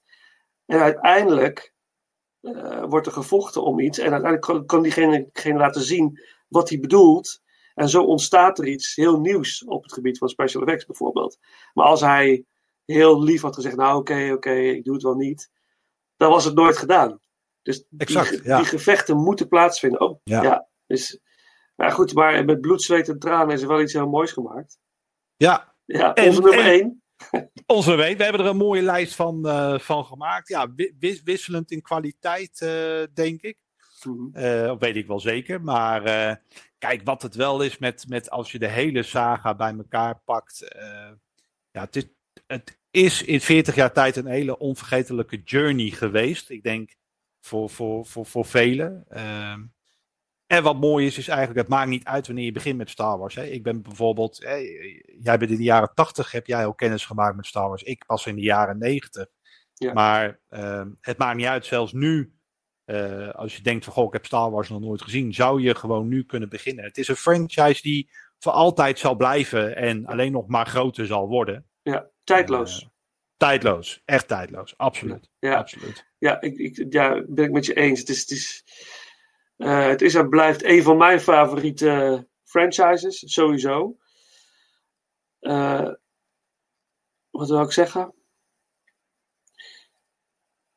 Ehm, ik had iets heel moois in mijn hoofd wat ik wilde zeggen. Zij- ik heb er geen had- woorden voor. Speechless. Speechless. Ja. Nee, maar dat, is niet, dat is niet handig in de podcast. Hè? Dan moet je wel nee, nee, praten. precies. Ja, inderdaad. ik, ik hou het even spannend. Met stiltes Ja, eh, zijn cliffha- vaak heel spannend. De cliffhanger, ja. Nee, maar eh, ik denk dat eh, over het algemeen ook al wisselen ze in kwaliteit, los van Battle for Endor en Caravan of Courage, kijk ik met alle liefde alle films van Star Wars. Ik vind ze allemaal sowieso leuk om naar te kijken. Ja, En zeker. Ook al kan ja. ik me irriteren aan eh, soms aan Attack of the Clones of Phantom Menace, toch zal ik ze altijd blijven kijken, omdat ik het blijven toch ook gewoon echt leuke films om te zien. En met natuurlijk als met bepaalde eh, eh, kroon, oh, kersen op de taart zijn natuurlijk Empire Strikes Back, Return of the Jedi, A New Hope, Force Awakens. Maar de rest is ook echt wel eh, de moeite waard. Ja, absoluut. Ja, ja en, en, en juist de kwaliteit van die films maken eigenlijk een hoop goed. Hè. Dan, dan kan je af en toe een, eh, een minder filmpje eh, Ja. hebben. Ja. Het, is alleen wel, het is alleen wel verdomd jammer dat dan zo'n Skywalker saga, als je hem dan in chronologische volgorde gaat kijken, wel met de twee slechtste films die er dan zijn, begint. Maar dat is dan Ja. mijn mening. Ja, Dan moet je er even doorheen bijten. Maar bij de Re- Revenge of the Sith wordt het allemaal beter. Dus Ja, eh, bij- ja. bijten doorheen. Of pas de Machete Order toe. Hè, want de Machete Order is dus een eh, verzonnen volgorde van de Star Wars films. Die begint dus niet bij, eh, bij episode 1. Episode 1 komt ook niet voor in die volgorde. Eh, begint dan bij episode 4. Eh, dus dan begin je eigenlijk gewoon met ook de echte eerste Star Wars film die ooit uitgebracht is. Ja. Eh, dus eh, ja, dat, dus je zou op die manier nog even enigszins er doorheen kunnen bikkelen om. Ik denk ja, ook als je, als je Star Wars. Ik denk ook als je Star Wars nooit gezien hebt, dat dat ook de beste volgorde is om te doen. Ja. Dat je bij 4 begint om die impact van Darth Vader te ervaren. Exact. Dat, ja. dat, ja, ja dat, dat, dat denk ik wel. Misschien is het wel heel even leuk, ook misschien voor de mensen die luisteren en denken van, goh, eh, ik wil ook eens beginnen met dat Star Wars eh, verhaal, maar eh, waar moet ik beginnen? Dan zal ik de Machete Order er even bij pakken, want dit is dus Ja. volgens de fans de volgorde waarin je Star Wars moet kijken. Zoek ik hem heel even erbij. Mhm. Ja, ja, ik denk dat het wel goed is. Want als je begint met de episode 1, 2, 3, dan wordt er al zoveel Ja, dat- dan, ja, dat en, en dan, dan moet je dus echt even bikkelen in de eerste, eerste vier uur. Hè? Want dan heb Ja. je dus episode 1 en 2, dus eh The Phantom Menace en Attack of the Clones. Ja, dat is wel, ehm, dat is wel lastig. Nou, de, de, de, de Machete Order is, eh, is als volgt. Eh, om te beginnen, je begint dan met episode 4, een nieuw hoop. Eh, je pakt dan door met episode 5, The Empire Strikes Back. En dan ga je dus terug naar episode 2, Attack of the Clones. Gevolgd door episode 3, Revenge of the Sith. En je sluit dan af met episodes eh 6, Return of the Jedi. 7, The Force Awakens. 8, The Last Jedi. En 9, The Rise of Skywalker. En dat is de volgorde die volgens de fans, die de Machete Order dus eh, hebben verzonnen. Is dat de juiste volgorde? Eh, worden de onthullingen op de juiste manieren geplaatst, zodat je echt ook nog verrast bent als je voor de eerste keer Star Wars kijkt. Eh, dat zou de juiste volgorde moeten, moeten zijn. In de Machete Order wordt overigens spin-offs eh, niet meegenomen. Nou goed, we waren er al over eens dat Caravan of Courage en de Battle of Endor eigenlijk ook daar niet tussen hoeven worden geplaatst. Zou je dan toch Solo en Rogue One nog willen kijken, dan is het dus, dan kijk je Solo in principe eh, tussen episodes 2, oh nee, sorry, tussen episodes 3 en 4. En Rogue One ook. Dus dan begin je met Solo en Rogue One kijk je daarna. Dat, eh, dat zou. eh, hè, dus dan begin je eigenlijk met Solo, Rogue One en dan ga je door met de Machete Order zoals die is. Leuk. Dat is een goede om, om zo een keer die volgorde. Hou je die volgorde nu ook aan als je nu weer opnieuw aan het kijken bent? Nee, ik heb de Machete Order nog nooit toegepast. Ik kijk altijd in chronologische volgorde. Ja. Ehm, met uitzondering dat ik dan Rogue One altijd wel tussen 3 en 4 plaats, omdat anders gewoon het echt niet klopt. Ja. Rogue One, die, die, die knoopt echt episode 3 en 4 aan elkaar vast. Ja. Ehm, maar in verder de chronologische volgorde, dus echt episode 1 tot en met 9. Ja. Dat is eigenlijk de volgorde die ik altijd. Maar ik wil de Machete Order nog wel, maar dat zal volgend jaar dan zijn. Mhm. Eh, ik denk dat de Machete Order volgend jaar wel een keer eh, gaat doen. Lijkt me Ja, ik leuk om ook op doen. die manier. eh, ja, lijkt me wel een keer leuk om, om te doen. Ja. ja. Nice. Hey, we, hebben, we, zijn er rond. We zijn rond, ja. Het heeft Ja. uur geduurd, maar we zijn eruit. We zijn Nee, eruit. Ja, nee, het was erg leuk. Ik vond het erg leuk om te horen ook hoe, hoe de volgorde kan verschillen. De ranking kan verschillen. Ja, Ook, Ja. eh, ook wel leuk. Ik denk dat voor heel veel mensen de top 3 ongeveer gelijk zal zijn. Ik daag ook mensen uit als Revenge of the Sith of Attack of the Clones jouw nummer 1 is. Laat het ons weten. En ook Ja. vooral waarom dan. eh, ja. ja. En eh, als, en als iemand de Phantom Menace op 1 heeft staan, moet hij zeker even laten weten. Want dan krijgt hij van mij hoogstpersoonlijk een lintje. Dan, eh, dan ben je echt de baas als de Phantom Menace je ultieme Star Wars film is. Maar goed, daar er zal ongetwijfeld ook een enorme fanbase zijn die Jar Jar Binks echt geweldig vindt. En, en gewoon Liam Neeson natuurlijk in de rol van een Jedi fantastisch vindt. Darth Maul heeft een hele grote fanbase. Dus ongetwijfeld dat dat voor velen ook een hele belangrijke, goede Star Wars film, eh, Ja. is. Maar is dat je nummer 1? Let, let me know, dan, eh, dan wordt er een linkje gemaakt. Absoluut. Ja. Super, ja, cool, cool. En, en nog, ehm, eh, we gaan natuurlijk een nieuwe podcast opnemen binnenkort. En de bedoeling is dat, dat een van ons dan een nieuwe franchise introduceert. Ik zit echt het tromgeroffel op de achtergrond nu. wie, wat, wat gaat het worden? Jij mag het zeggen. Waar daag je mij in uit? Of wat, wat gaan we doen? Ja, ik heb erover nagedacht van waar, waar gaan we het nou eens over hebben. Ja. En ehm, eh, nou ja, gezien onze eh, gezamenlijke liefde voor Star Wars waren we daar vrij snel uit. Eh, ik weet inmiddels van jou ook wel dat je een aantal andere franchises of een bepaalde regisseur of, of jaar hebt wat, wat ook wel je favoriet is. Maar ik ga je toch misschien een beetje uitdagen. Mhm. Over twee weken gaan we het hebben over de Jurassic Park franchise. En dan heb ik het over en Jurassic Park 1, 2 en 3. En beide delen van Jurassic World. Mhm. En een vooruitblikje op Dominion, die volgend jaar gaat verschijnen. Oh, interessant. Ja, dat we daar wat informatie over zoeken. Jij weet er vast al best wel veel over, maar dan zal ik me daar ook Ja. in verdiepen. Maar misschien ook, ja, ook leuk om dan even te babbelen over eh, wat gaan we verwachten van Dominion. Hè? Dus Ja. we hebben Jurassic Park eh 1, 2 en 3. We hebben Jurassic World eh 1 en 2. Ehm, en ja, Jurassic, om, een klein beetje een, eh, een, een, een, een, preview te geven. Ja, Fallen Kingdom is natuurlijk door vele fans niet, wordt niet bestempeld als de beste film in de franchise. Ehm, en iedereen is wel druk aan het speculeren over, ja, hoe gaan ze hiermee verder? Wat gaan ze met Dominion doen? Wat, wat, wat gaat er gebeuren in die film? Wordt het echt een film die alles met elkaar gaat verbinden en Jurassic Park gaat afronden?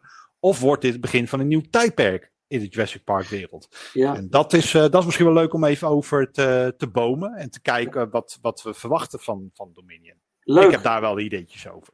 Ja, geweldig. Nou, vind ik een mooie uitdaging. Leuk om ze ook weer eh, te gaan bekijken. Ik heb een aantal weken geleden Jurassic Park 1 gezien met de kids. Los van de jongste, die is twee, dus die niet. Maar eh, de kinderen vonden het fantastisch. Dus Ja. dat, eh, hij doet nog steeds wonderen bij, eh, Ja, die ook echt, echt een tijdloze film ook. Dus leuk Ja. om, om die films de volgende keer Ja. eh, te ranken. te ranken. Ja, zeker. Super. Nou, Paul, bedankt. Voor, eh, ik vond het hartstikke leuk. En voor de, voor de luisteraars, we horen, jullie horen ons over een week of twee weer terug. Ja, en vergeet, vooral, en vergeet vooral niet je comments te geven op deze podcast als je wil meediscussiëren of jij bepaalde ideeën hebt over Star Wars.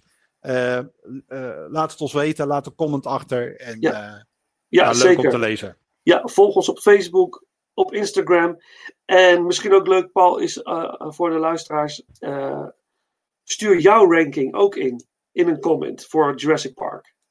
Ja, daar ben ik ook wel benieuwd naar. ja, voor Jurassic Park. En wie weet eh, lichten we wat eh, eh, luisteraars eruit.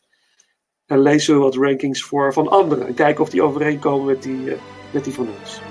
Cool, gaan we doen. Goed, oké. Hey, bedankt voor het luisteren en tot de volgende ronde. Tot volgende ronde.